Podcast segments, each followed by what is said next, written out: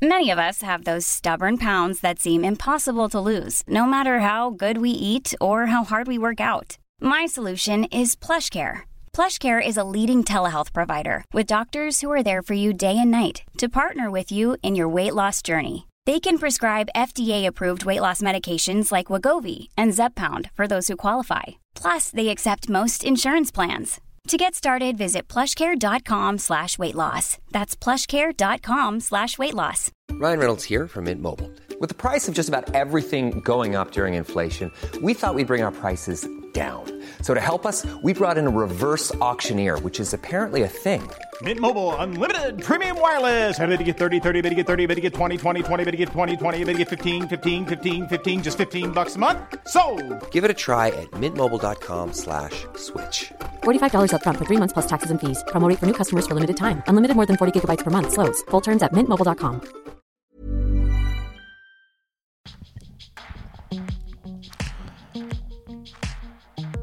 Allting gick väldigt snabbt för Vanessa när hon hamnade i en ny relation. Varningsklockan slog tidigt men hon valde att strunta i dem och plötsligt så levde hon med en partner som ständigt var i rörelse och nästan alltid var på flykt från något. Men hon var ju en tuff tjej som visste vad hon gjorde så oavsett vad så skulle aldrig någon kille få styra över hennes liv. Men ack så fel hon hade. För helt plötsligt så befann hon sig i en relation som, med ett ständigt svartsjuk partner som dessutom både använde psykiskt och fysiskt våld. Hon började tappa mer och mer av sig själv när hon ständigt tillät sig själv gå tillbaka till personen som hon visste gjorde henne illa. Hur var det att leva i denna, i denna relation och hur kom hon ur den? Detta är del ett av två av avsnittet Vanessa. Mitt namn är Joakim Lindén Kastenbäck och ni lyssnar på Brottsofferpodden. Då kör vi. Ja, Hallå Vanessa, hej! välkommen. Tack så hemskt mycket. Jätteglad att ha dig här. Ja, jag är glad att vara här. Kan du berätta lite lätt vem jag har framför mig? Du har Vanessa framför dig. Jag är 21 år ung. 21 år ung. Ja. Ehm, kommer snacka lite om eh, en relation som jag hade, som inte jättelänge sedan. Ehm, vad ska man säga? Jag brinner för mäns våld mot kvinnor. Ska börja plugga socionom. Har eh, pluggat lite socialpsykiatrisk vård i Trollhättan. ja, du ser. Ehm, men det var inte riktigt min grej. Det var, Ah, lite, okej, för mycket, det var lite för mycket vård. Ah, okej, så jag kom hem igen. Du kom hem. Ja, Ja. ja ehm, men nu jävlar. Nu ska jag börja plugga. Jag är PT, älskar träning, bäst jag vet. Det är min terapi. Ja, träning är nice, är verkligen. Ja. Men du sa att du brann för mon, eh, mäns våld mot kvinnor. Mm. Har du alltid gjort det? ja, det har jag faktiskt. Det har inget att göra med den här relationen egentligen. Utan jag har sedan jag var liten bråkat med mina päron om eh, konstiga ord och eh, relationer och allt möjligt. Jag har varit den här jobbiga snorungen vid matbordet som gör det typ obekvämt. Med det sydländska temperamentet. Exakt, exakt och aldrig kunnat eh, hålla käften. Men, alltså, men sen var det så att trots allt det här du brinner för så, så blev det att du slank in i en sån relation. Ja, och det är dels därför jag vill prata om det. Vi kan, För- vi kan börja så här, liksom så här, hade du haft relationer innan? Du inte, Ja. så här, var de också strul eller var det? Nej, alltså jag, jag ehm, hade min första relation väldigt ung. Eh, och folk kanske tänker så här, ja, men det var en eh, Alltså jag var så liten att det inte är på riktigt liksom. Men för mig var det på riktigt. Jag var 13 och vi var tillsammans i tre år. Så, tills jag var 16. Så det var liksom min ungdom. Men vi hade det hyfsat bra. Alltså han var jättefin. Ehm, men det är klart det tar slut. Vi var ju så små. Så det är inga, konst, inga konstigheter egentligen. Eh, dock så hade väl jag, eh, jag var nog den struliga under den relationen. Ehm, jag var väldigt strulig som ung. Eh, mycket bråk, en liten ADHD-unge. Um, ja, alltid, alltid pluggat hårt. Men um, det med, har varit mest det sociala som har varit jobbigt för mig. Uh, jag har inte riktigt känt att folk har kunnat förstå mig. Jag har haft en pappa som har varit lite frånvarande och em, en syster som har missbrukat. Så att jag har haft det lite jobbigt när jag var ung. Det var lite destruktivt. Ja exakt och det gick ju ut då över honom så att jag kan väl säga att jag tyck, tycker mer synd om honom i den relationen än om mig. Men Men eh, i stora hela så var det liksom inget destruktivt på det sättet. Men den här personen du ska prata om idag, Mm. hade du varit i någon liknande, för nu vet vi att det, det är, alltså, det är Mm. en destruktiv relation. Så här. Men hade du varit i någon destruktiv, destruktiv relation innan? Um, alltså jag har ju, jag har ju, eh, så jag är ju från eh, förorten. Det har varit lite så här eh, lite snubbar som är kaos liksom men det har aldrig varit en riktig relation som den här. Utan jag har alltid varit så här typ ehm, jag, kom- jag, jag kan inte vara med honom, jag har alltid haft mina murar väldigt högt. Eh, så att jag har inte det faktiskt utan jag har varit eh, väldigt stenhård mot eh, män. Alltså Okej. jag har haft en väldigt så här, du är skit, du är skit, du är skit. okej, så att, okej. så att ehm, folk, jag tror att folk blev ganska så här, ehm, vad heter det, chockade över att jag som är så stark liksom ehm, som alltid har varit så här stenhård, haft sådana principer och värderingar som om någon bryter dem så är det så här, kutta dem direkt. Men vad var det som fick dig att fastna för den här killen då? Eller vad var det så, om, om vi, vi behöver inte berätta allt i början, så, men vad var det så han kom in som en stormvind eller var det? Nej, alltså jag tror att eh, det handlar mycket om timing. Jag tror att alla kvinnor kan eh, fastna för sådana här relationer. Um, men självklart kan man spekulera i om det handlar om min barndom. Eh, eftersom jag har sett mycket sånt. Men jag tror inte det utan jag tror i det här fallet att det handlade mycket om timing. För att jag hade haft en relation tidigare eh, innan honom som eh, jag inte tog upp men den var, han var jättefin, jättesnäll mot mig. Men jag tror inte jag fastnade riktigt eh, på det sättet. Och jag, eh, när vi, inte, när vi slutade prata så tyckte jag att jag hade varit så himla taskig mot honom. Jag var så här, fan nej, det här, det, jag ska aldrig göra så här igen. Och nästa, i nästa relation ska jag släppa in dem på riktigt och ge dem en chans. Ehm, så jag vill inte vara så där. Jag kände, jag kände mig så lite, lite dum. När jag liksom tänkte efter, fan jag var inte så snäll mot honom liksom. Eh, så att jag ehm, tänkte att ehm, nej men jag måste verkligen, nästa person ska ge en chans på riktigt trots liksom dens eh, förflutna eller vad som helst. Eh, sen så kände jag även hans familj och jag Okej. älskade dem. Älskar dem än idag så jag bryr mig jättemycket om dem. Och jag tror att ehm, Var det så ni träffades eller? Ja exakt. Ehm, jag var nära vän med hans kusin. Så det var så vi träffades. Eh, och jag tyckte väldigt mycket om eh, familjen och jag ville, ja. Men hur var ni i början då? Eh, vi träffades första gången, eh, vi hade träffats en typ så snabbt hej hej då tidigare. Men första gången var det faktiskt på min tjejkompis 18-årsdag. Ehm, och eh, det var ju fest. så att eh, vi var fulla, vi hade skitkul, vi gick ut. ehm, han var väldigt generös, eh, mystisk. Sa inte så mycket egentligen. Vilket jag, jag brukar inte fastna för sånt. Jag brukar fastna, jag fastnar alltid för humor. Jag tycker att humor är det bästa. Men han var lite mystisk så, lite roligt. Typ. Jag jiddrade lite med honom och tyckte det var roligt. Så jag skämtade. Men kände du direkt att det var, fanns något intresse? Någonting, Ja. ja. någonting. För ja, jag vet inte vad, men någonting fanns där. Och sen så efter det så pratade vi inte. Jag, vis, jag kände ju att det var någonting först, redan första gången. Och vi så här hihi, skrattade, skämtade med varandra typ lite grann. Eh, men sen så skrev han till mig några gånger och jag svarade faktiskt inte. Eh, Så det var på Instagram och han försökte få kontakt med mig. Jag svarade inte, svarade inte, svarade inte. Så att han kämpade ett tag. Eh, och sen till sist så svarade jag och bara, ah, men vad fan jag ger det en chans. Så då gick vi på en dejt. Jag tror det var alla hjärtans dag. En fin första dejt. Ja, vi gick och käkade på AG. Ja du ser, kött Ja, antar jag då. Ja, alltså det var så jävla gott och vi hade jättekul. Ehm, och där eh, när vi hade käkat klart så drack vi lite och då såg jag väl redan första gången eh, lite tendenser så här, för att jag märkte att han, när han blev full så blev han lite ja, började bråka med mig om typ så här skitsaker. Kanske om jag hade, någon jag hade varit med innan honom. Varför har du varit med honom? Har du varit med, varför har du varit med en sån här person? Men hade du varit van med sånt där förut? Du säger att du var i förorten, det var mycket attityd och sånt. Var det så här, du var hyfsat normalt eller var det som att den här, vad håller han på med liksom? Alltså jag ehm, Alltså det var kanske mittemellan. Jag, tänk, jag kände ju att det var så här, det lite, lite överdrivet.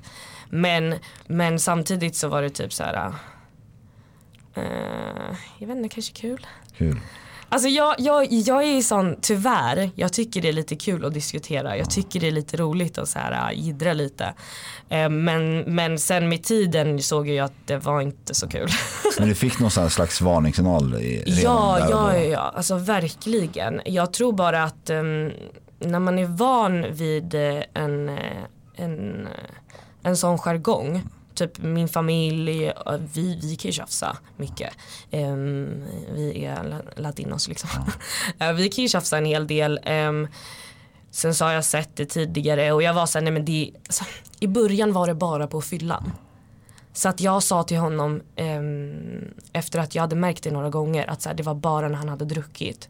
Då var jag så här, du får inte dricka längre. Jag måste ändå fråga dig Vanessa, liksom, Mm. när han håller på att ifrågasätta före detta killar. Lät han hållas liksom, eller var det så här bara din jävla pucko skärp dig, det har inte du med att göra? Eller var det så att du Nej, jag, jag, jag bråkade med honom jättemycket. Vi bråkade ju. Ehm, och Alltså blir det så här verbalt bråk ganska Ja, tidigt i ja. relationen? Ja, ja, ja, ja.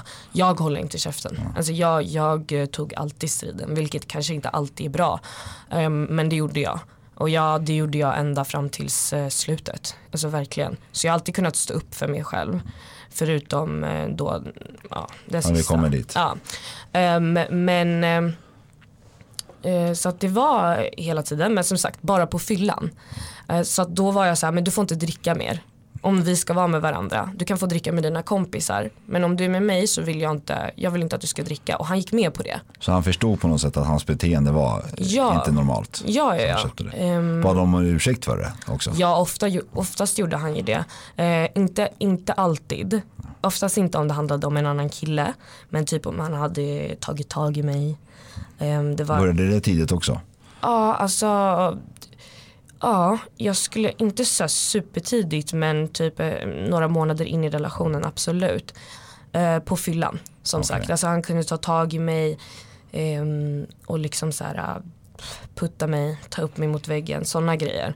Ehm, så det bad han alltid om ursäkt för. Det förstod han att så här, det är inte det, eller förstod och förstod, det vet jag inte om han gjorde men du fattar. Ja, jag fattar. Eh. Men du säger också typ att du på något sätt alltid brunnit för det här med kvills, eh, mäns våld mot kvinnor. Så att det måste finnas någonting i dig som så här, fan håller jag på med liksom? Eller? Ja, alltså absolut. Och jag, jag kan själv inte riktigt um, fatta hur inte jag drog mig ur.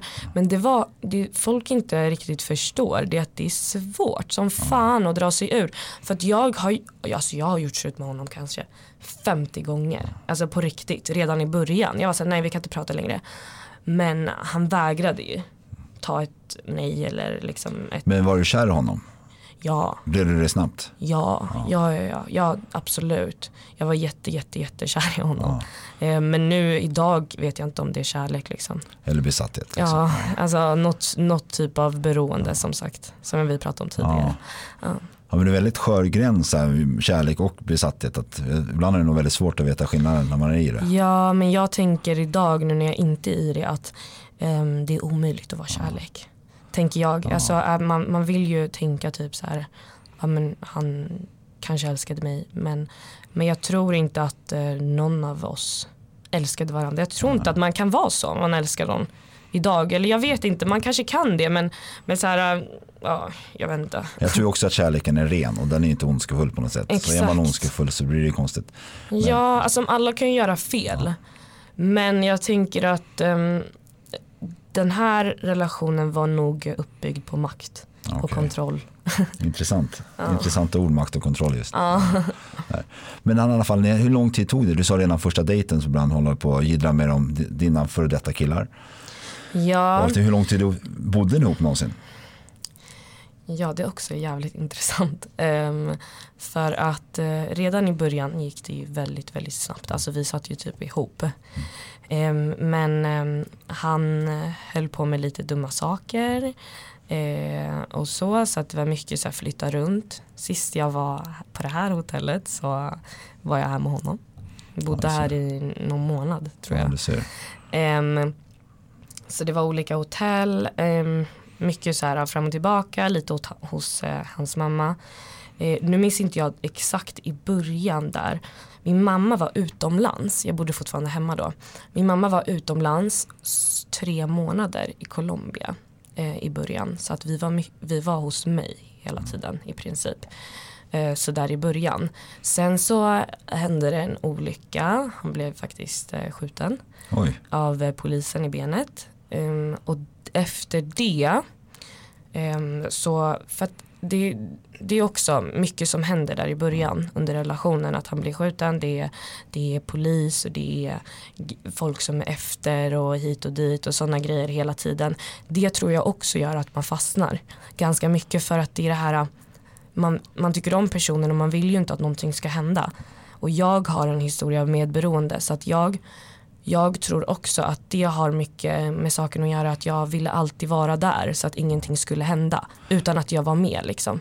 Men känns det också lite så här äh, farligt och coolt och att för du, du är fortfarande relativt ung så här, och jag vet inte hur gammal han var men vi behöver kanske inte gå in på, vi behöver inte sitta och berätta om hans Nej. livsvan eller hans, hans liv och han levde men liksom, det låter inte som att han har 100% rent mjöl i påsen. Så. Och eh, fanns det någon så fascination kring det också just att det är lite så farligt och coolt och så här, Bonnie and Clyde om man säger så. Nej, nej, gud nej. Nej, nej, nej, nej, nej. Gud, jag var, jag var jätte emot. Det var det. Jätte, jätte emot.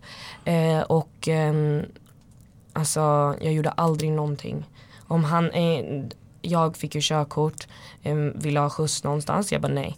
Ville att jag skulle hjälpa med någonting, nej. Jag gjorde aldrig någonting, så det var absolut ingenting sånt. Det var flera gånger som jag, jag bara tror du jag är fucking Bonnie Clyde eller? Ja. Sådär, så att nej, absolut inte. Inte på det sättet. Eh, Men jag tror att eh, den livsstilen gör att man alltid är på spänn. Vilket, när du alltid har en stressnivå i kroppen så kan du inte riktigt tänka klart. Det är ju så. Det är ju, det är ju det som är grejen med de här äh, förhållandena. Att det är, man är hela tiden på spänn. Och man är hela tiden med den personen. Så man sitter fast i varandra, man är hela tiden nervös, rädd. Eh, dock vet man typ inte vad man är rädd för för man är hela tiden förvirrad som fan. Man fattar ju ingenting vad som händer. Man fattar inte vilka känslor, alltså du vet man blir ju utmattad. Så att man kan inte riktigt tänka klart. Vad säger dina vänner i det här fallet då? Nu kände du ju hans kusin och sånt där lite så de tycker väl kanske att det är mindre skevt här men vad säger de andra? Eller håller du tyst till dem? Eh, jag hade så jag är inte en sån människa som kanske berättar så mycket om hur jag känner till folk och jag vill försöka ändra på det så därför sitter jag här. men, men i början tror jag inte att jag sa så mycket. Jag sa att det var skitbra. Eh, liksom. Men sen så när han vart eh, skjuten där så var jag tvungen att säga till mamma. Ja. Ehm, och då var det liksom att jag skulle skydda, min mamma bara, du är ju, alltså va? Du kan inte vara med en sån här människa liksom. Och och då sa jag liksom att men det, det var, det var, alltså jag har hela tiden bortförklaringar. Ehm, han, hade, han hade ju berättat det som att det var ehm, in, att det inte var hans fel ehm, såklart. Så att det var det jag berättade till alla liksom att det, nej men det var inte han och det var hit och dit och så. Jag, jag, kan, jag var inte där, jag kan inte svara på det men jag vet ju att poliser är fula liksom mot folk i förorten. Så det är inte så men, men där så blev det nog att folk började ifrågasätta och vara så här oj det här kanske är, det är inte någon liten kriminell, alltså så. Han, han var ju ung, vi är ju unga men det är ändå så här att bli skjuten av en polis det kanske är lite, ja, det är kraftigt liksom. ja alltså, Men försökte du ändra hans livsstil? jag, alltså jag ville ju det men samtidigt i början så, um, alltså, då var jag så här, jag vill inte liksom lägga regler. Jag, och han sa ju flera gånger typ men jag kommer sluta, jag ska inte göra det här, jag ska inte göra det här. Men någonstans så tror jag att jag visste att det inte kommer sluta. Så att man är ju inte dum men man är kanske ser bortom det, tyvärr. Men hur lång tid in i relationen är det här? Det här, Ungefär? det här var ganska, alltså, det här var ganska, Typ någon månad? typ två månader. ja. Du går, nu ska jag inte svära men jävla snabbt, jävla fart. Ja, alltså det var det, är det också. Som sagt, man sitter ihop men det går så snabbt. Det är så här efter typ en vecka, alltså på riktigt en vecka så ville han ha en lista på alla jag har varit med. Ja, du ser. Eh, så att det är ju ganska grova grejer. Men samtidigt så vet jag ju den här eh, jargongen i förorten. Att man vill inte vara med någon som har varit med någon, någons vän eller så och hit och dit. Så att jag bara, bara sa. Typ. För att ja, jag skäms inte över dem jag har varit med liksom. Ehm, och det kanske inte, jag borde inte ha gjort det liksom. För det har inte han med att göra. Och det har jag ju lärt mig idag. Men, men då så var jag så här, men det är de här, den här och den här och den här. För att för mig var det ingen grej liksom. Jag fattade inte riktigt. Men du fick äta upp det antal gånger senare eller? Ja. Ja, ja. det är hemskt verkligen. Så här, Ja, så så att eh, det började ju tidigt som sagt. Ja men i alla fall då, ja, det, alltså det blir, från att gå på den här dejten, alla hjärtans dag, redan där börjar jag känna att någonting är konstigt och bo på hotell, massa flykter hit och dit, polisvåld, alltså mot honom. Och vad, hur, går ni, hur går du vidare, hur går ni vidare från där? Ehm, när han blev skjuten så var han tvungen att vara, bo på sjukhuset då ett tag. Jag var ju, alltså jag var ju så ledsen. För Jag fick höra det liksom via Aftonbladet. Okej.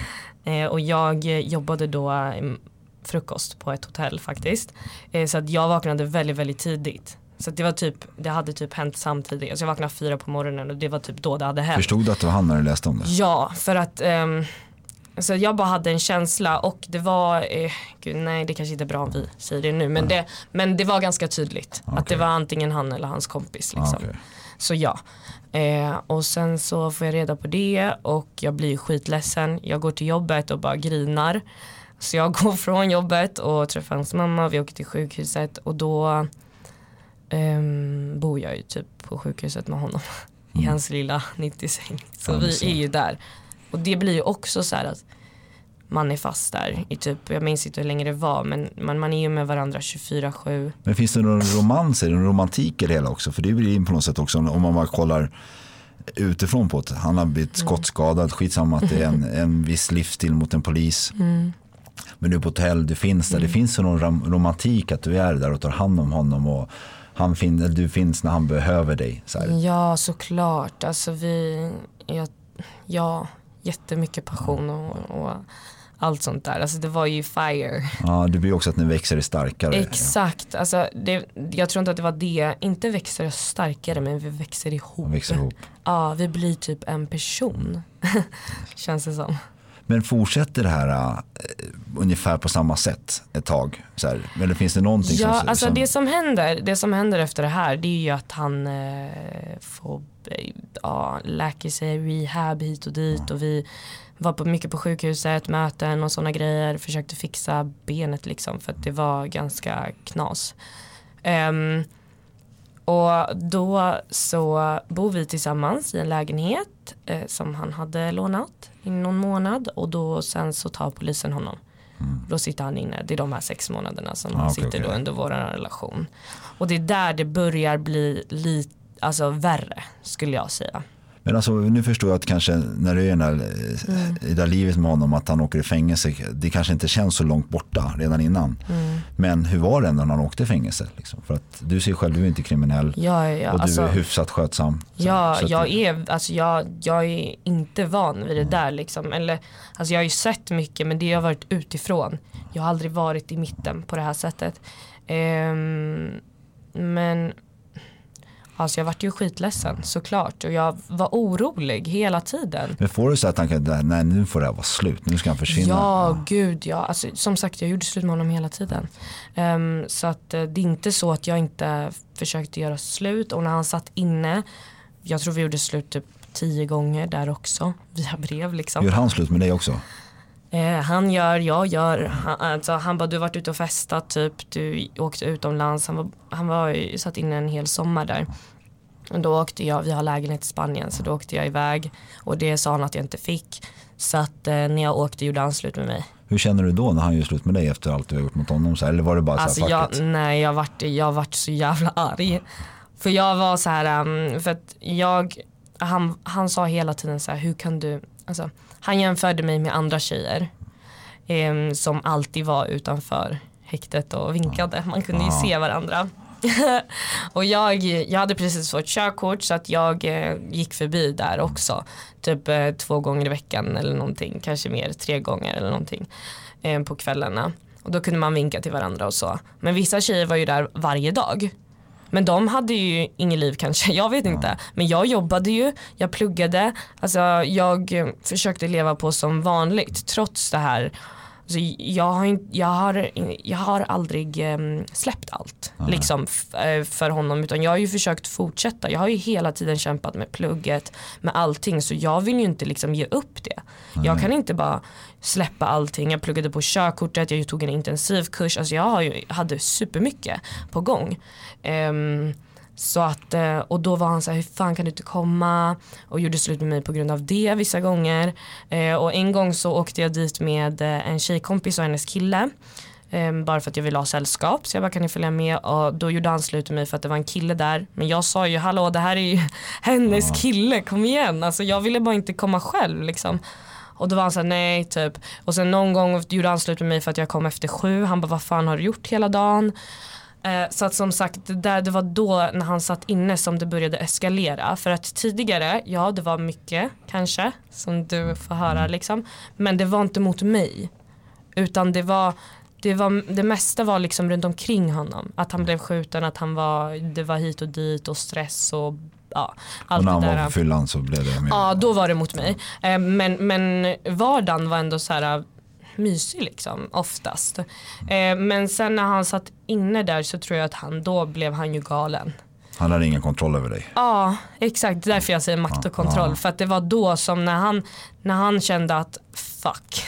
Eh, nu är jag här och hon är där och jag vet inte fan vad hon gör. Det Alla var- killar är här ute. Ja exakt och det var hela tiden brev om så här, du, ehm, vad fan gör du, eh, hur fan kan du göra det här, varför ringde du inte mig på det här, gå och skaffa dig ett nytt eh, abonnemang typ för att mitt abonnemang var på min mammas namn. Så han kunde inte ringa mig. Och jag bara, men jag kan inte göra det, jag har inte råd. så här, ska jag ha två abonnemang? Um, men sen så, sen så gjorde jag det. Eh, men sen så eh, betedde han sig illa mot mig.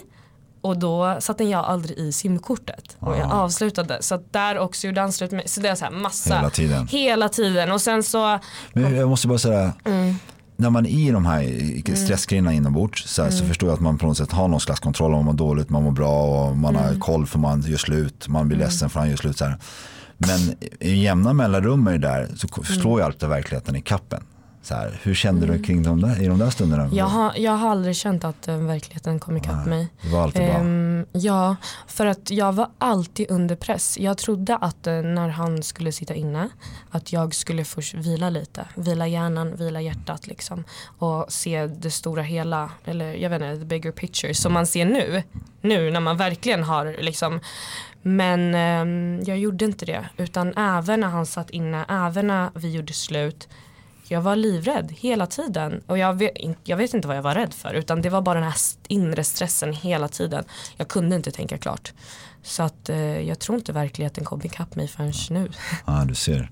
Men hur var det så här, uppenbarligen så är han jättesvartsjuk. Mm. Det var ju, det redan från början så märkte du det. Ja. Blev det på något sätt också att du försökte kontrollera ditt, eh, ditt uteliv, ditt vanliga liv kring Ja. det här att inte bli sedd för någonting som du inte ens visar? Alltså jag vet inte, typ, Ja, alltså han var ju inne på min telefon när jag sov flera gånger.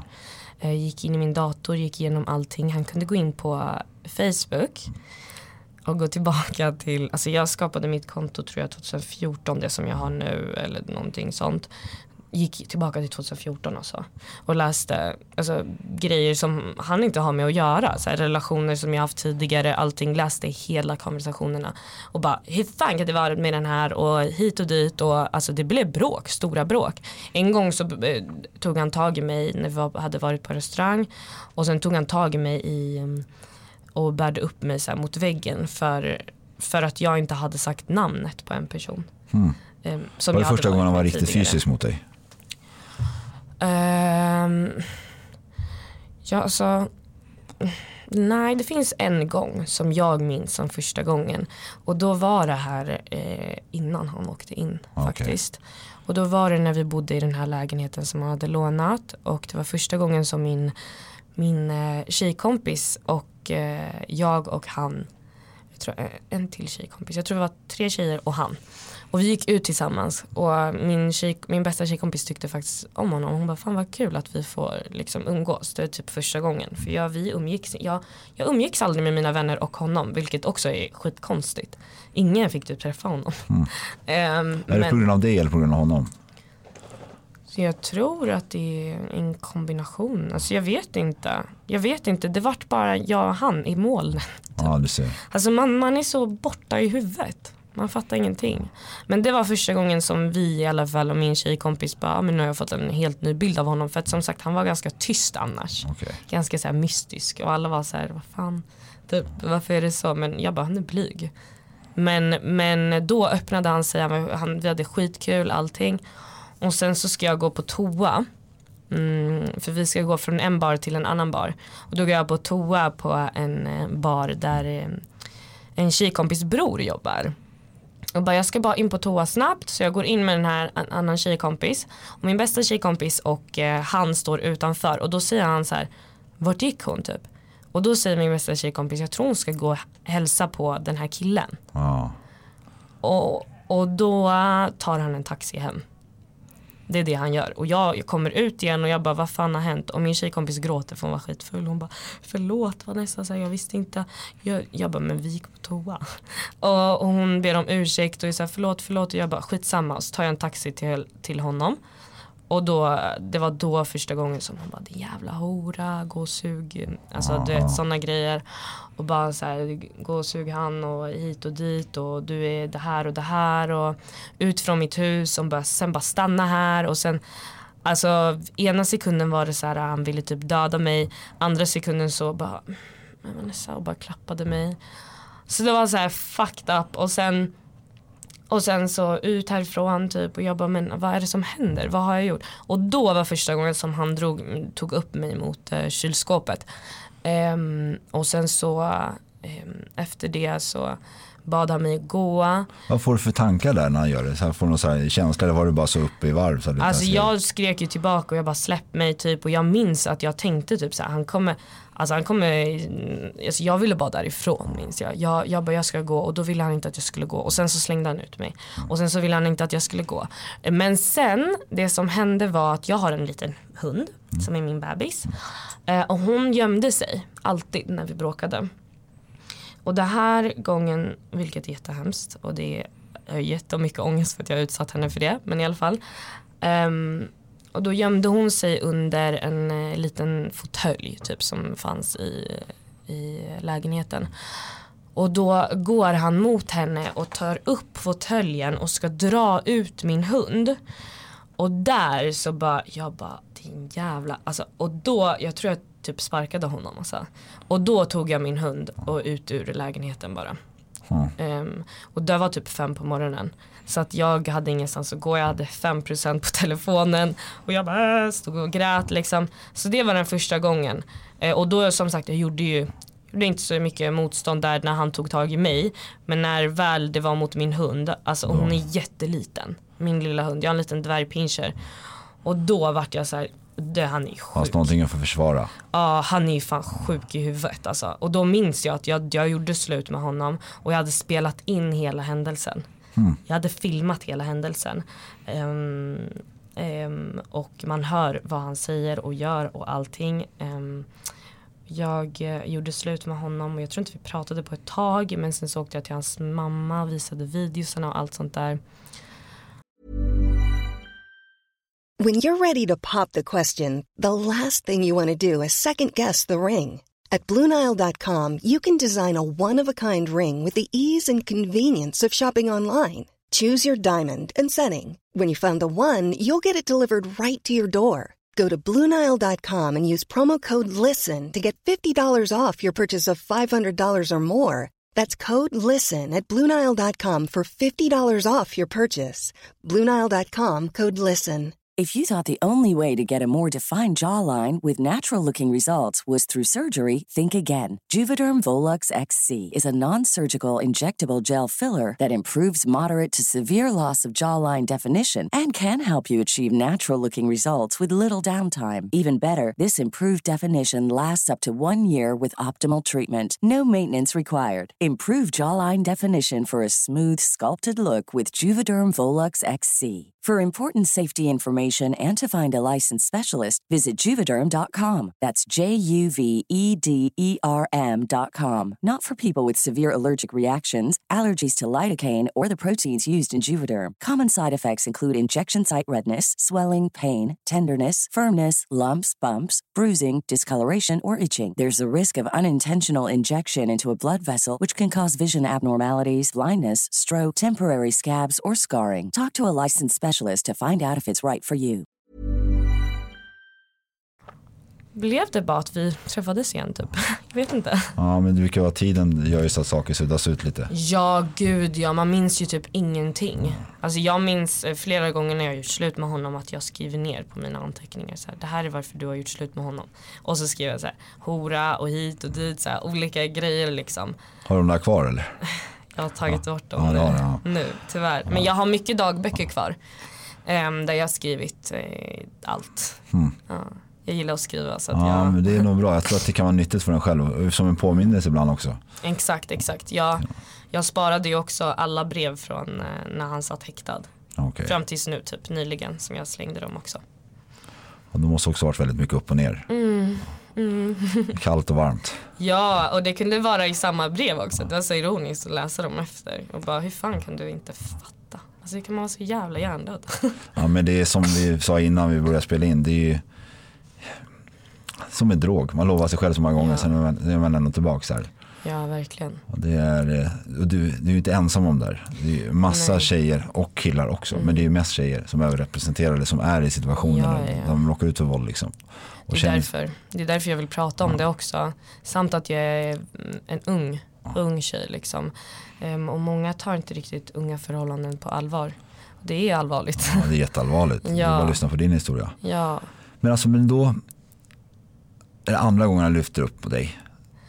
Nej det var första Det var gången. första gången. Ehm, den Sen- som jag använde, berättade om innan det var andra gången. Andra gången. Eller nej jag tror inte det var andra gången. Men kände du direkt nog att, nu har du sagt att när jag gick på din hund så var det typ en miljon gånger värre än när jag gick Mm. på dig. Så här. Men kände du på något sätt att nu får det fan vara nog igen? Liksom, så här, han, men sen var det, Alltså jag kände ju det. Men eh, det här var ju innan han satt och vi var ju Ja. tillsammans i två år. Så att eh, Ja, alltså jag kände ju det i mig men sen när jag träffade honom så var det som att det var bortblåst. ja. Det är helt sjukt, alltså som att jag inte minns någonting och jag bara, det enda jag ville var att vara med honom. Mm. När, jag, när vi väl träffades igen och han var så vi ska bara, vi, kan vi bara prata? Vi, kan la, vi, vi, vi behöver inte ens bli tillsammans igen, låt oss bara prata. Och när vi väl träffas och ska prata och liksom så här, försöka avsluta det på ett bra sätt liksom. Eh, då vart det ju så här eld och lågor igen liksom. Och då var, var det vi igen. För när han väl muckade sen, var det så att eh, ni var tillbaka på ruta ett och då blev allt, den här farten eller? Ja, alltså det är också en grej. Eh, jag eh, har aldrig blivit gravid tidigare. Eh, alltid, alltså oftast skyddat mig liksom och sådana grejer. Och, och alltid sagt typ så här, jag vill verkligen inte göra en abort. Inte för att jag shamear någon utan jag har eh, bara psykiskt inte trott att jag kommer klara av det. För att jag har, alltså, ja, jag tyckte att det var, alltså tanken av det har varit hemsk liksom. Ehm, men jag har aldrig blivit gravid och jag har ändå skyddat mig och allt sånt där och sen så kommer han ut. Eh, han kommer till mig, då bor jag i Trollhättan. Jag har ju försökt ändå ta kontroll över situationen och säga jag ska dra, då kanske inte det, då kanske jag får lite distans och du vet sådana grejer, börja plugga i Trollhättan. Men han kommer till Trollhättan. Vi har, eller nej, jag tror att jag åker till Stockholm och vi är med varandra. Men var det så att du längtade till eh, att han muckade? Så att du såg fram Ja. emot eller var du orolig för? Alltså jag tror båda. Ja, det är klart jag längtade efter honom liksom. För jag var ju kär i han. Men, ehm, men jag var också rädd. Alltså det är det, alltså, det är liksom aldrig en känsla. Det är därför man blir så jävla förvirrad. Det är så här tusen känslor. Jag vet att han inte är bra för mig i hjärnan. Men mitt, mitt hjärta vill ju något helt annat. Det är exakt som en drog. Men ställer du något ultimatum till honom? Så här, du måste göra det här eller du ska göra det här? Ja, eller? självklart. Men det är ju aldrig något som hålls. Liksom. Alltså tyvärr, jag, jag, ja. Ja, ja, Ja, men eh, men ja, så vi, vi är med varandra. Det här är under typ så här lite innan. Han, han, han, han, är, han sitter under hela sommaren, lite in på hösten och sen jag tror november kom han ut. Första gången vi har sex så blir jag gravid. Ah fuck. och det var så här nej, alltså fuck my life. Och där också eskalerar som fan. Och ena dagen kallar han mig mördare för att jag ska göra abort. Men jag är så här, du har precis suttit inne. Du vet, Du jag... var helt bestämd på att jag, jag Nej, nej, alltså jag, jag ville ju behålla i början och han var så här behåll, behåll, snälla behåll och sen bara nej göra bort. Alltså det var verkligen så här olika hela tiden. Min hjärna var helt alltså, upp och ner, jag spydde varje dag, jag kunde inte gå till skolan. Jag pluggade ju fortfarande. Kunde inte gå till skolan för varje gång jag gick dit och satte mig så bara och så, ja. så att jag låg hemma och var helt så här eh, och sen gick jag till kliniken. Jag ringde abortkliniken, jag gick dit tre gånger och sprang därifrån. Ehm, så att nej, jag ville behålla. Ehm, det ville jag. Pratade du med någon så kallad expert så här, under, innan, här, för- innan Mm. du blev gravid och i början av er relation? Typ någon, någon som förstår det här lite mer? Nej. Du sökte dig inom dig själv mest? Ja, alltså nej, jag, jag pratade inte med någon överhuvudtaget tror jag inte. Var det någon som Man- snackade med dig om det? Så här, försökte nå dig? Ja, alltså man blir ganska så här um, inrutad i allt och man drar, man isolerar sig. Ja. Alltså det gör man. I- automatiskt för att jag, den här personen vill ju hela tiden ha kontroll över en så att de vill ju helst att du hela tiden ska vara där. Han ville att jag skulle vara hemma hos honom även fast han inte var där. Ja, för då visste han att jag var där. Och stå utanför, vinka utanför äh, fönstret? Ja men inte bara det, alltså typ så här, uh, han ville att jag skulle vara hos hans mamma till exempel. Ja okej. Jag bara, men sov hos min mamma. Var hos min mamma. Jag bara, men varför? Du är inte ens där. Jag kan väl sova hemma. Närmare jobbet. Eller så här, det är lättare för mig. Jag har en hund. Allt sånt där. Allt det praktiska liksom. Nej men sov hos mamma. Eller så här, kom till mig. Vi, som sagt han bodde på hotell och sådär.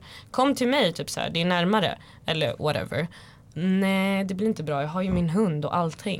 Nej men kom till mig bara. Jag bara, men, men ska du vara hemma? Så kan vi mysa, kolla på film. Förstod du vad det handlade om då? Eller var det så att du trodde att han ville bara vara med dig? Eller han ville dig väl?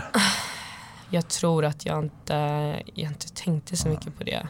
Jag gillade ju att vara med honom. Jag visste ju att i slutet av dagen, på, på natten när jag sover så kommer han komma. Så kommer jag vakna med honom. Alltså så, Han hade så fram emot de stunderna. ja. Eh, så att eh, i början var det ju så här, vad fan ska jag göra hos dig? Om du inte är där. Alltså såklart. Och bara så här, är du, ja. Men, eh, men jag gick ju dit ändå. Ja, fan. Va, nu hoppade jag tillbaka lite med den här frågan men du blev i alla fall gravid. Mm. Du gick tre gånger och du sprang därifrån. Så här, och han ville att du Mm. skulle behålla, han ville att du skulle ta bort det. Liksom. Ja, eh, jag tror att han eh, såklart fuckade mycket med mitt huvud.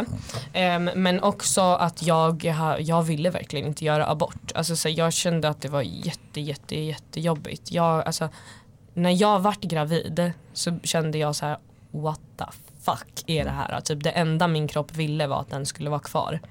Ehm, jag fick ju också mycket komplikationer efteråt. Men, men alltså, det kändes som att så här, jag älskar den redan. Den är en jävla prick liksom.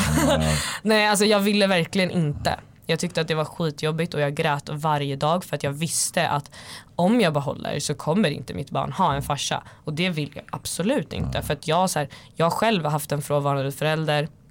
Jag vill liksom ha de bästa förutsättningarna. Jag pluggar fortfarande. Jag har en, en kille som suttit inne som är kaos. Som inte vet någonting om någonting liksom. Eh, så att eh, jag förstod ju att i praktiken så är det ju det. Och jag tror inte att jag hade någonsin tagit ett annat val. Jag gjorde ju abort liksom. Så att det inte är det att jag ångrar det. Men den perioden var skittuff och då kallade han mig psykopat, han kallade mig mördare, allt sånt där efter. Jag hade ju, jag gjorde en medicinsk abort vilket innebär att man eh, alltså typ aktiverar ett missfall eller vad man ska säga. Eh, och så kommer den här grejen ut ur en och man får ju se allting. Um, och jag var över en viss vecka så att um, jag fick inte göra det hemma utan jag var tvungen att göra det på sjukhuset så att de skulle se att allt hade kommit ut och så.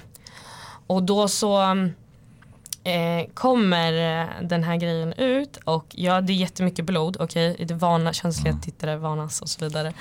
Um, och då eh, trycker jag på den här knappen för att de ska komma och hämta. De måste se så att allt har kommit ut så det är som en liten tallrik i toan. Mm. Och då kollar jag ner och då ser det ut som att den så här ah, simmar, alltså jag fick panik så jag tar upp den och bara och, och sen så tar jag bild på den och skickar till honom. Oj. Och vi, det sjukaste av allt um, och det var här som jag började inse tror jag att uh, jag inte kan vara med den här människan. Och det var här jag um, hela tiden var såhär nej vi kan inte vara med varandra. Så det var, um, och jag började göra slut med honom oftare eller vad man ska säga. Uh, för att han tog den bilden och skrattade och skickade till sin gruppchatt till sina killkompisar. Oj, oj. Uh, och bara såhär ha ha ha typ någonting sånt och han visste att jag tyckte att det var skittufft. Uh, och han, alltså jag grät ju upp och snackade om honom varje dag.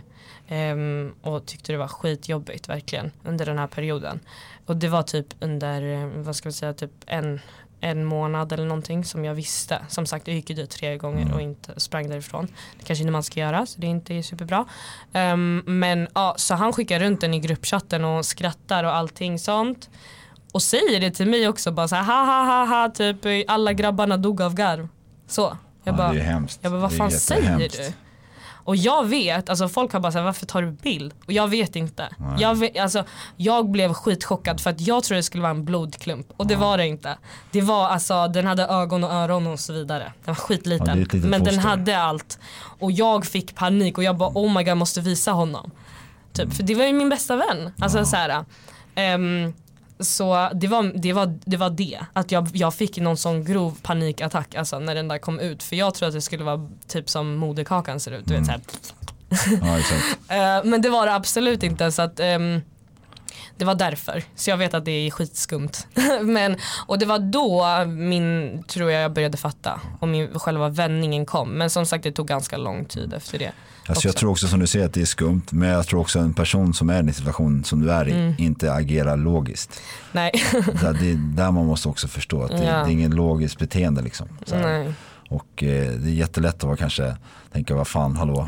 Men alltså har man inte varit där så är det inte så lätt att förstå heller. Nej, nej. Så här, och jag har själv varit med om sådana situationer mm. så här, tidigare. Så jag vet hur, knä, hur overkligt läskigt uh. det är verkligen. Ja, speciellt när man är själv också. Alltså jag var ju där helt själv och jag gjorde det inte i Stockholm där jag har all min familj. Mm. Liksom. Jag gjorde det i ett ställe i Trollhättan, mitt i landet liksom. För mig i landet, sorry. um, mitt i ingenstans och jag var, alltså, hade ingen vän, ingenting. Jag hade ju vänner men det är så ytliga bekanta. För mig är det inte någon som jag berättar och visar och har med mig liksom, på ett sånt ställe. Så att det var, var ensamt också. Och den närmsta vännen du har han skrattar åt dig. Mm. Så det är ju hemskt verkligen. Ah. det, det, är det verkligen. Liksom, ja. Men du, i alla fall, det, det fina du får med dig ur det här om man ska se det så, mm. det är att det faktiskt bestämmer att jag kan inte vara i den här situationen. Ja. Så på något sätt det här äh, klumpen försvinnande ger dig styrkan att faktiskt kanske ja. verkligen fatta det, kanske det viktigaste beslutet i ditt liv hittills. Ja, verkligen. Och sen som sagt, vi var ju med varandra i ett år, mm. kanske efter det. Eller någonting, kanske kortare, jag vet inte. Ehm, men jag, jag var väldigt så här jag kan inte vara med dig. Alltså logiskt tänkande, jag, han vägrade ju. Han var utanför min lägenhet flera gånger. Han, eh, alltså, om jag blockade hans nummer, han ringde mig med andra nummer, dolt nummer. Um, om jag stängde av min telefon, då var det alltså fem olika, jag har blockat fem olika fejkkonton på Instagram, Facebook, alltså allt. Uh, så att det tog aldrig slut och om inte jag svarade var han utanför mig och så vidare. Så att det var skitsvårt. Hur men... var det själv när du var där ute på gatan då? Var kände du förföljd och du visste inte riktigt ja. hur du, du kände dig otrygg liksom? Ja, ja alltså jag var livrädd men um, det var det var efter den här äh, misshandeln då. Men, eh, men innan det så var det, inte- kände jag mig inte otrygg. Det var jobbigt som fan. Alltså jag var så här, jag kunde inte gå på vissa ställen för jag var så här, då kommer han vara där och typ flippa liksom. Men det var efter misshandeln som jag blev rädd. Ja, jag förstår det. Nu har du nämnt den lite. Kanske kan berätta lite vad som hände där. Ehm, så som sagt, ehm, i slutet av vår relation så var det väldigt osäkert. Jag hade sagt, alltså flera månader innan det här så hade vi kapat. Men han vägrade ge upp. Och han eh, alltså, gjorde allt, alltså allt, allt, allt verkligen. Ehm, och gick in på mina sociala medier, alltså jag fick ju byta koder, han var inne han köpte till och med en hund. Ehm, och bara kan du hjälpa mig ta hand om honom typ för att jag har hund och, och sådana grejer. Så att det var, det var riktigt tufft. Pratade du någonsin med hans kusin som du kände? Eller blir det så att familjen håller upp så pass starkt så att de vill inte lyssna? Jo, alltså kusinen och jag har än idag kontakt men det finns andra som jag inte har kontakt med. Okej. Andra i familjen. Um, såklart. Mm, det har jag. Alltså, det är ju det är inga konstigheter. Jag liksom. jag har inget, inget att säga om det.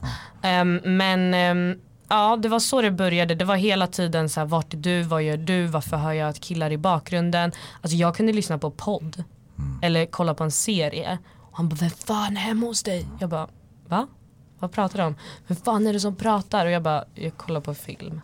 Alltså du vet, och jag bara, men alltså det räcker nu. Och då hade vi gjort slut och jag hade liksom träffat folk, inte gått vidare men jag hade träffat folk och varit ute och festat och sådana grejer som man gör. Alltså så här, varit på bar.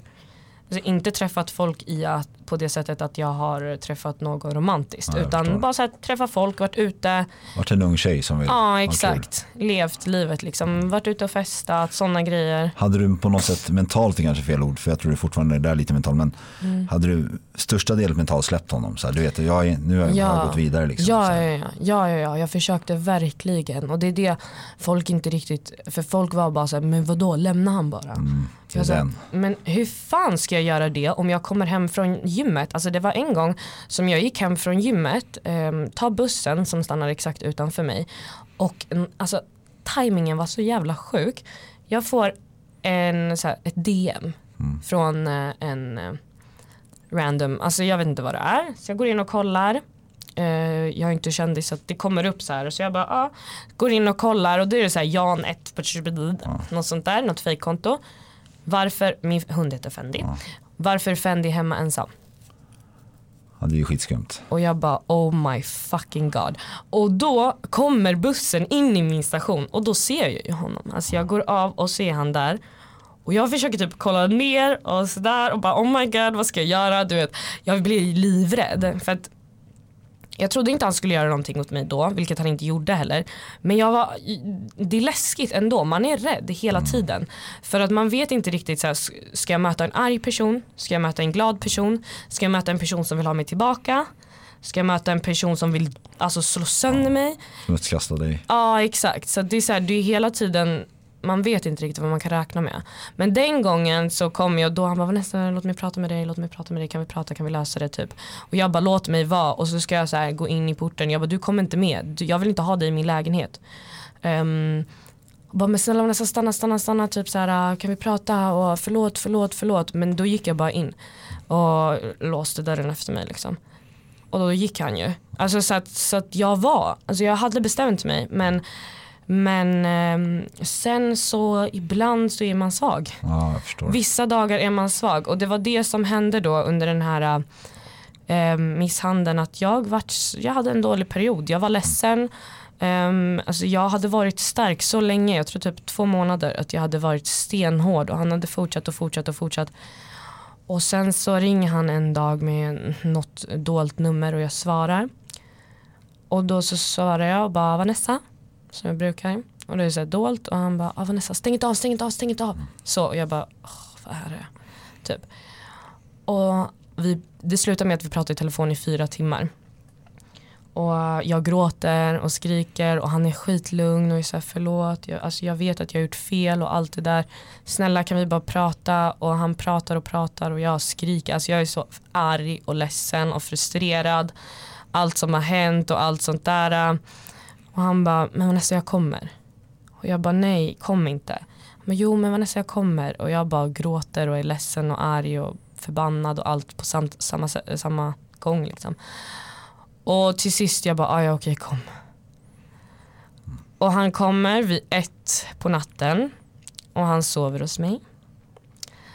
Jag vaknar av att eh, han eh, säger lås upp din telefon.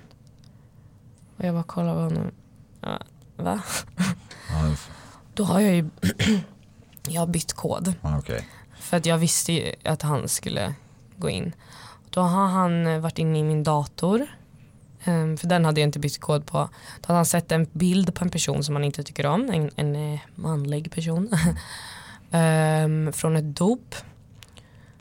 Och han bara, varför står du bredvid han på den här bilden? La, la, la. Varför ser du sådär glad ut? Jag vet inte vad. Han bara, lås upp din telefon, lås upp din telefon. Ehm, Och du är helt nyvaken här också. Ja och jag bara nej jag tänker inte göra det. Du har inte med saken att göra. Eh, han bara vad har du gjort med honom? Jag vet att du har gjort någonting med honom. Och jag bara du har inte med saken att göra.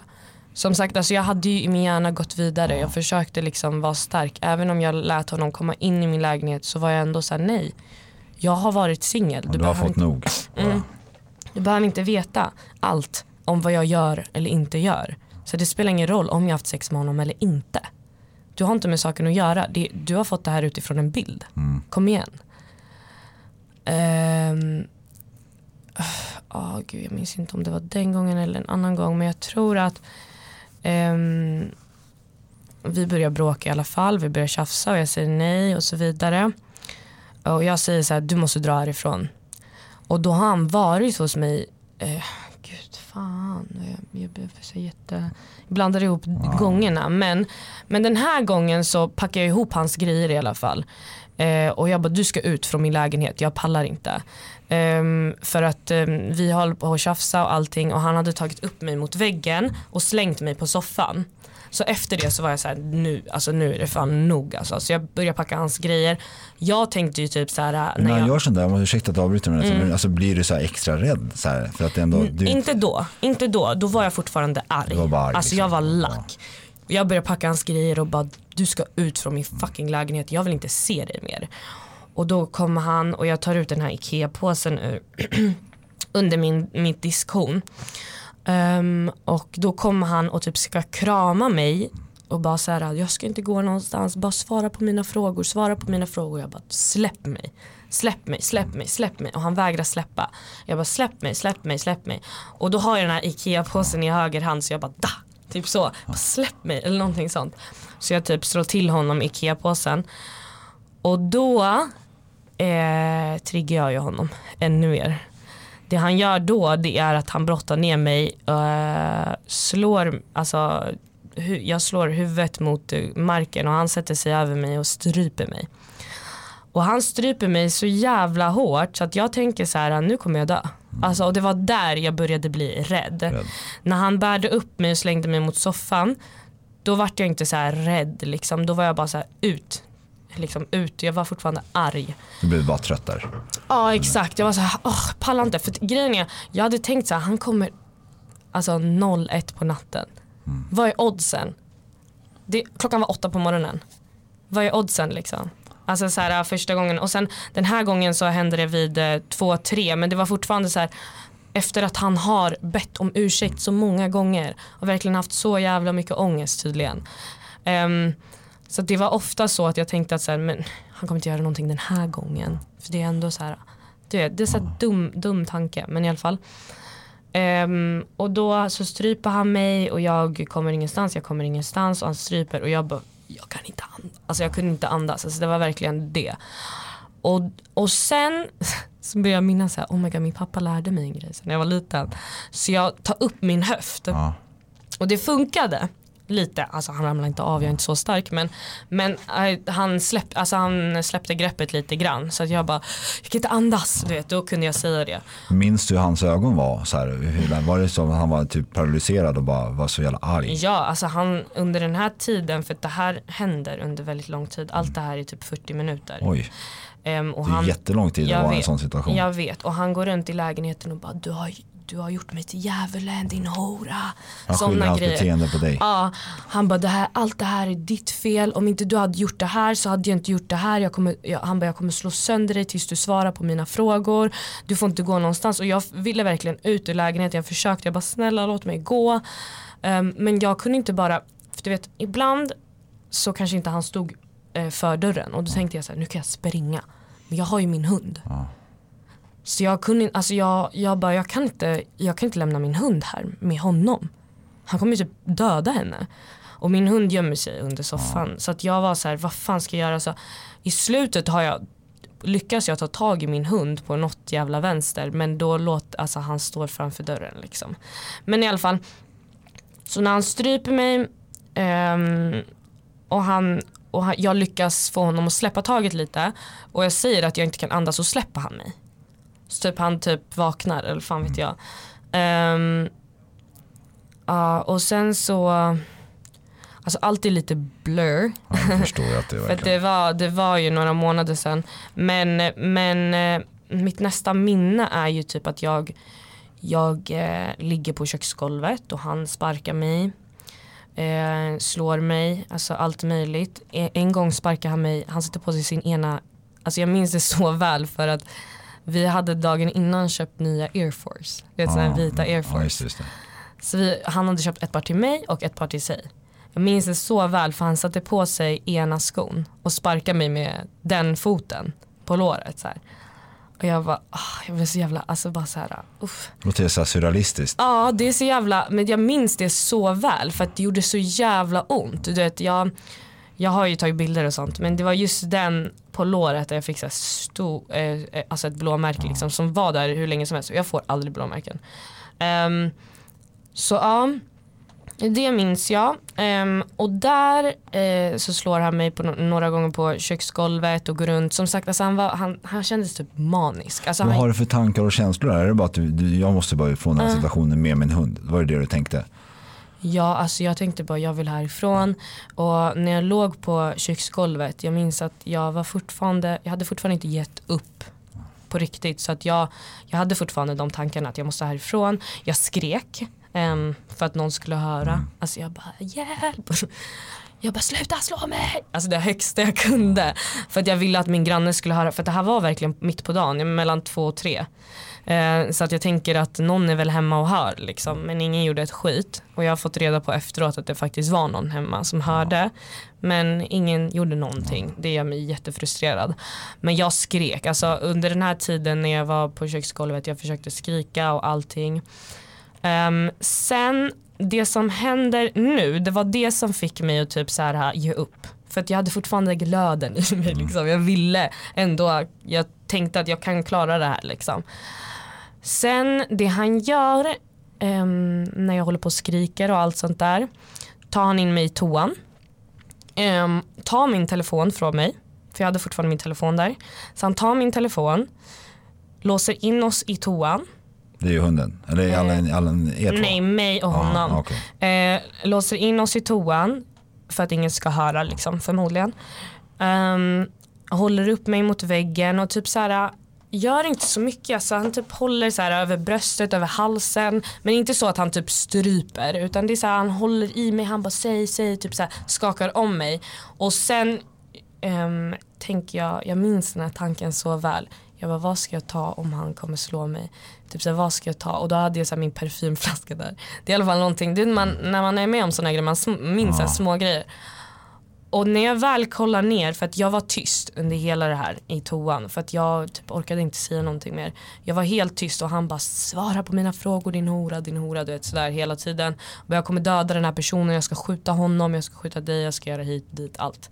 Du kommer inte komma härifrån förrän du är död typ i princip. Han bara jag kommer döda dig. Och sen, jag svarar inte. Men sen så tar han mig, jag, vet, inte- jag minns inte om det var i käken eller i håret eller whatever. Och bankar mitt huvud mot väggen. Och då, då bara föll jag ihop. Inte av så här hjärnskakning eller någonting utan jag bara satte mig ner och bara grät. Och höll mig så här, oj förlåt, runt, runt huvudet och ehm, ehm, som en liten boll du vet. Upp med benen så här och bara satt och grät och typ fick en panikattack. Jag bara, eh, eh, eh, kunde typ inte andas. Um, och han bara, varför överdriver du? Jag slog inte ens dig. Och sen så, och sen jag bara fortsätter gråta, jag säger ingenting. Och då han bara, han bara typ så här, först säger han att han inte slog mig, att han inte har gjort någonting. Och sen så säger han så här, det är ditt fel. Varför, varför fucking svarar du inte för? Det är du som har gjort mig till djävulen och du vet de där grejerna. Um, och sen så öppnar han toadörren och så börjar han så här, alltså det är så surrealistiskt. Öppnar han frysen och börjar slänga så här broccoli, det är så här frysta grejer mot mig. Sen lägg på huvudet typ.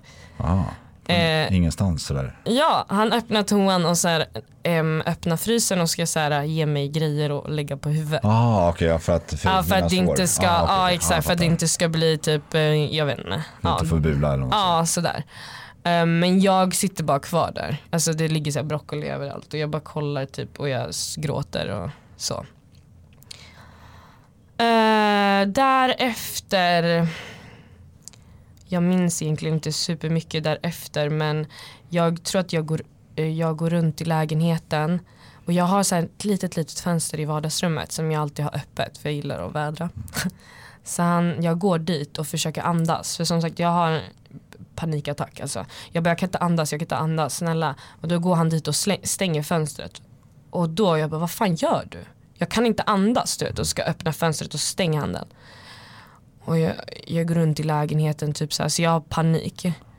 Men på ett eller annat sätt, alltså jag minns inte riktigt.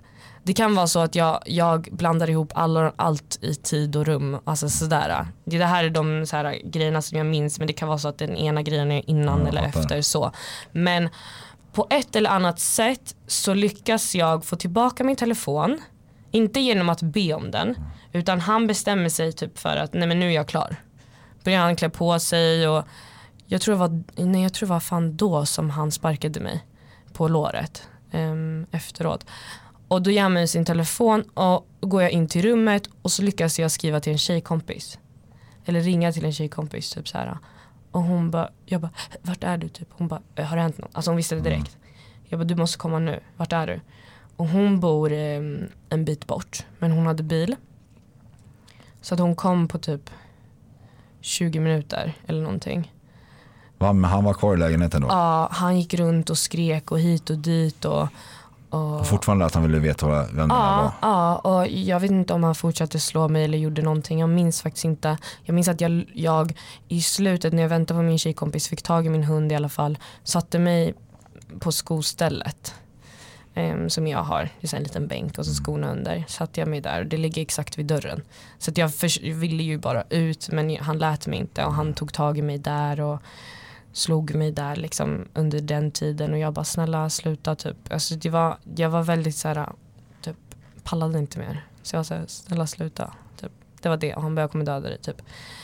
Gick runt och Kände du också på något sätt att det, att det var över eller var det något det här att, din, att du har talat till din kompis att det snälla hoppas hon kommer snart, hoppas hon kommer snart. Eller? nej jag kände att det var över. Och grejen är att jag, jag är ju uppväxt med det här äh, lite så här, man ska inte ringa polisen och sånt men jag skrev ju faktiskt till min tjejkompis på sms, ring polisen nu. Mm. För att efter jag hade ringt henne, jag tror faktiskt att det stämmer att efter jag hade ringt henne, det var då som han sparkade mig när jag låg ner och sådana grejer.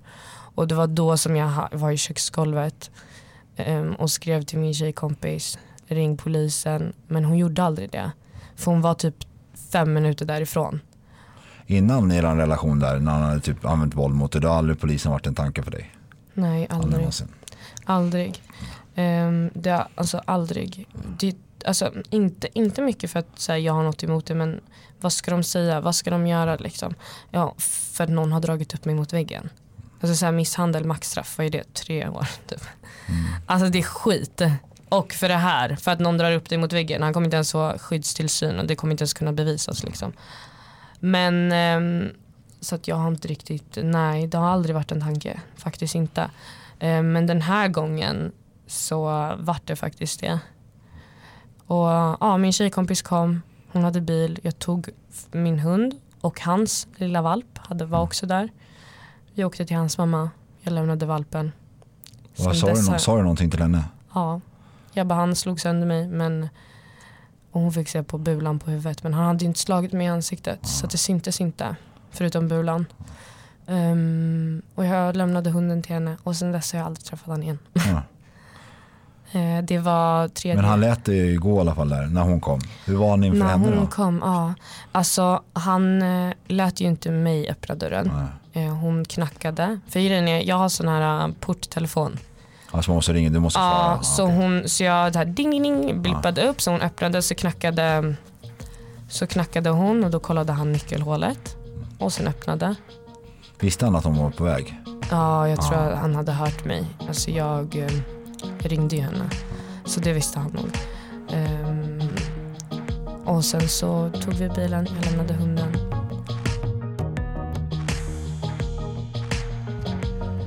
Så där, det var slutet på del ett av två av avsnittet Vanessa.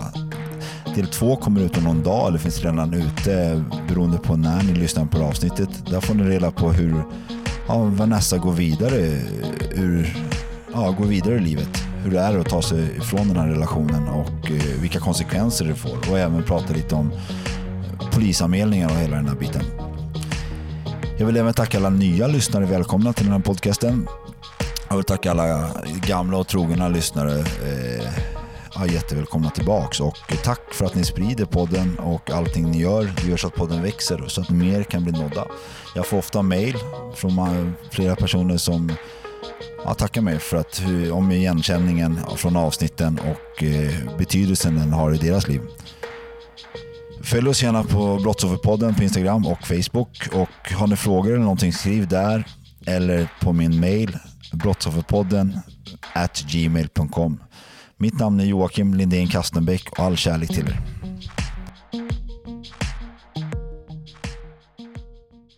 Historia som berättas har satt sina spår Finns ingen skam att känna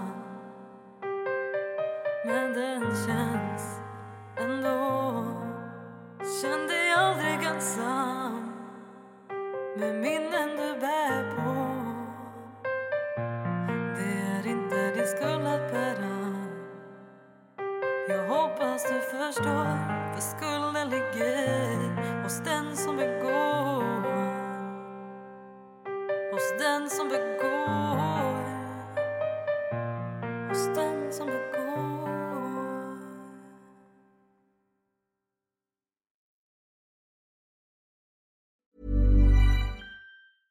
Normally, being a little extra might be a bit much, but not when it comes to healthcare. That's why United Healthcare's Health Protector Guard fixed indemnity insurance plans, underwritten by Golden Rule Insurance Company, supplement your primary plan so you manage out of pocket costs. Learn more at uh1.com.